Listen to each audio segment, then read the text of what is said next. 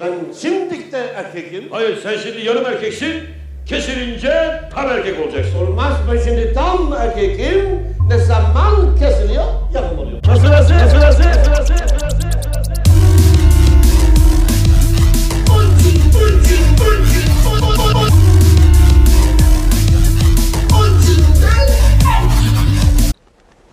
Sünnet bugün tıbbi bir operasyon olmaktan çok dini bir gelenek. Ancak semavi dinlerden çok daha önce tarihlenen bir uygulama. En azından bizim topraklarımızda sünnetin Frigyalılar çağı Anadolu'sunda bereket tanrıçası Kibele yani bugünkü ismiyle Sibel ve Attis mitiyle başladığı söylenir. Attis'i kimi kaynaklar Kibele'nin oğlu, kimi kaynaklar kocası olarak anlatır. Fakat her ikisi de olabilir. Malum şimdinin aksine antik tanrısal figürler aşk ve cinsellik konusunda epeyce açık fikirlilerdi. Mezhebi geniş diyenler de olabilir tabii ama benim amacım oturup antik tanrı ve tanrıçaların gıybetini yapmak değil.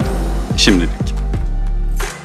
Kibele ve Attis başka kimseyi sevmeyecekleri ve birbirlerine sadık kalacaklarına dair yemin ederler. Ancak Attis, Kibire'ye verdiği sözü unutarak Frig kralı Midas'ın kızını sever. Onunla evlendikleri gece düğüne tanrıça Kibele de davet edilir. Ne düşündüğünüzü biliyorum.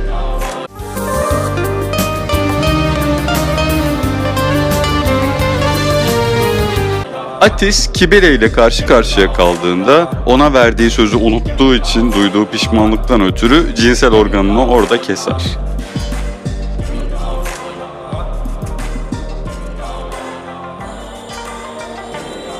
Atis'in kısmeti de mitolojiye ''Aa Sibel ya kusura bakma ben seni tamamen unutmuşum'' deyip çükünü koparan bir kahraman olarak dahil olmakmış.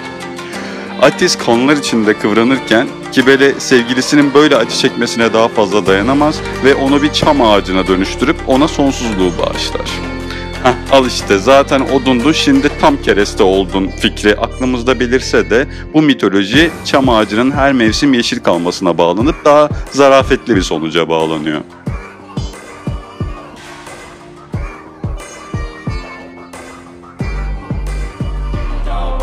Antik dönemde her yıl Pessinus mabedinde Tanrıça Kibele adına şenlikler düzenleniyor. Pessinus mabedi deyince kulağa çok efsane geliyor ama bildiğiniz Eskişehir civarından bahsediyoruz. Yani Eskişehir efsanevi bir yer değil demek istemiyorum. Ay anladınız siz. O çağlarda bu tapınakta rahip olmak isteyen erkekler hadım ediliyor ve kesilen cinsel organları bir çam ağacının altına gömülüyor.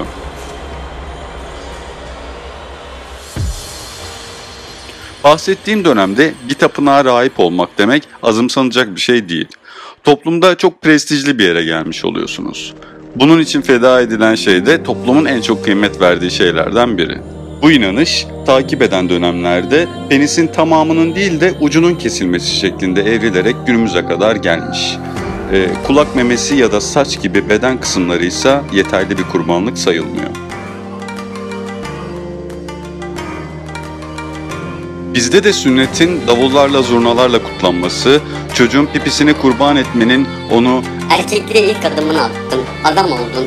Şükür bir şeye benzedin, öf neydi o öyle? falan gibi ifadelerle kutsanması da bunun doğrudan bir yansıması.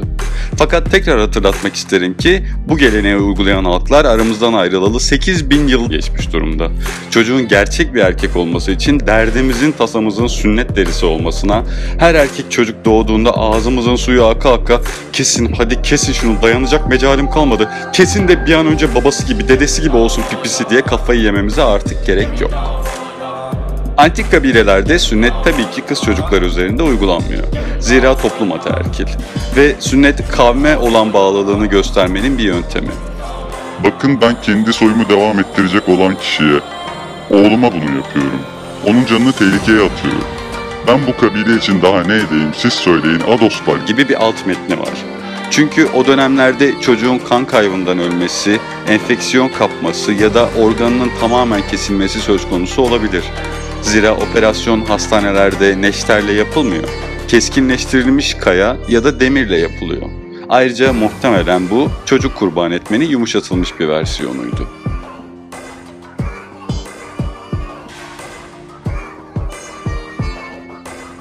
Aynı şekilde muhtemelen sünnet edilmiş penis ereksiyon halindeki sertleşmiş sünnetsiz penise benzediğinden burada sürekli bir cinsel kudret göndermesi, bir güç gösterisi var. Cinsel kudret demek çocuk yapmak demek. Çocuk yapmak demek kabilenin nüfusunu arttırmak demek. E kabilenin nüfusunu arttırmak demek kabileyi güçlendirmek demek. Sünnet aynı anda birden fazla coğrafyada gözlemleniyor. Belli ki antik medeniyetler kah tanrıları, kah kabilelerini memnun etmek için dört bir koldan çocukların pipisiyle bozmuş, kafayı sünnet derisine takmışlar. İlk örneklerden biri eski Mısır'da milattan önce 2400'lü yıllarda görülüyor. Mısır'da rahiplere yapılan sünnet onları daha yüksek bir mertebeye çıkarıyor. Ama onlardaki uygulama bugün anladığımız sünnetle aynı şey değil.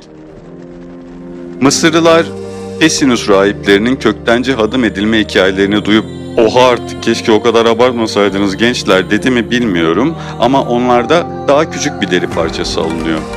Yalnız rahipler bu operasyondan sonra balık yiyemiyorlar, günde 3 kez banyo yapıyorlar, tüm vücutlarını tıraş ediyorlar ve Firavun'un kendisiyle daha yakın ilişkiler kurabiliyorlar.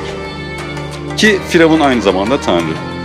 Öte yandan bu kadar sık banyo yapıp vücutlarını tıraş ettikten sonra Firavun'la ne yaptıklarına dair spekülasyonların yeri tabii ki burası değil. Bir sonraki bölümde sünnetin semavi dinlerde özellikle Musevilik inancındaki yerini konuşacağız. Dinlediğiniz için teşekkürler. Benimle kalın.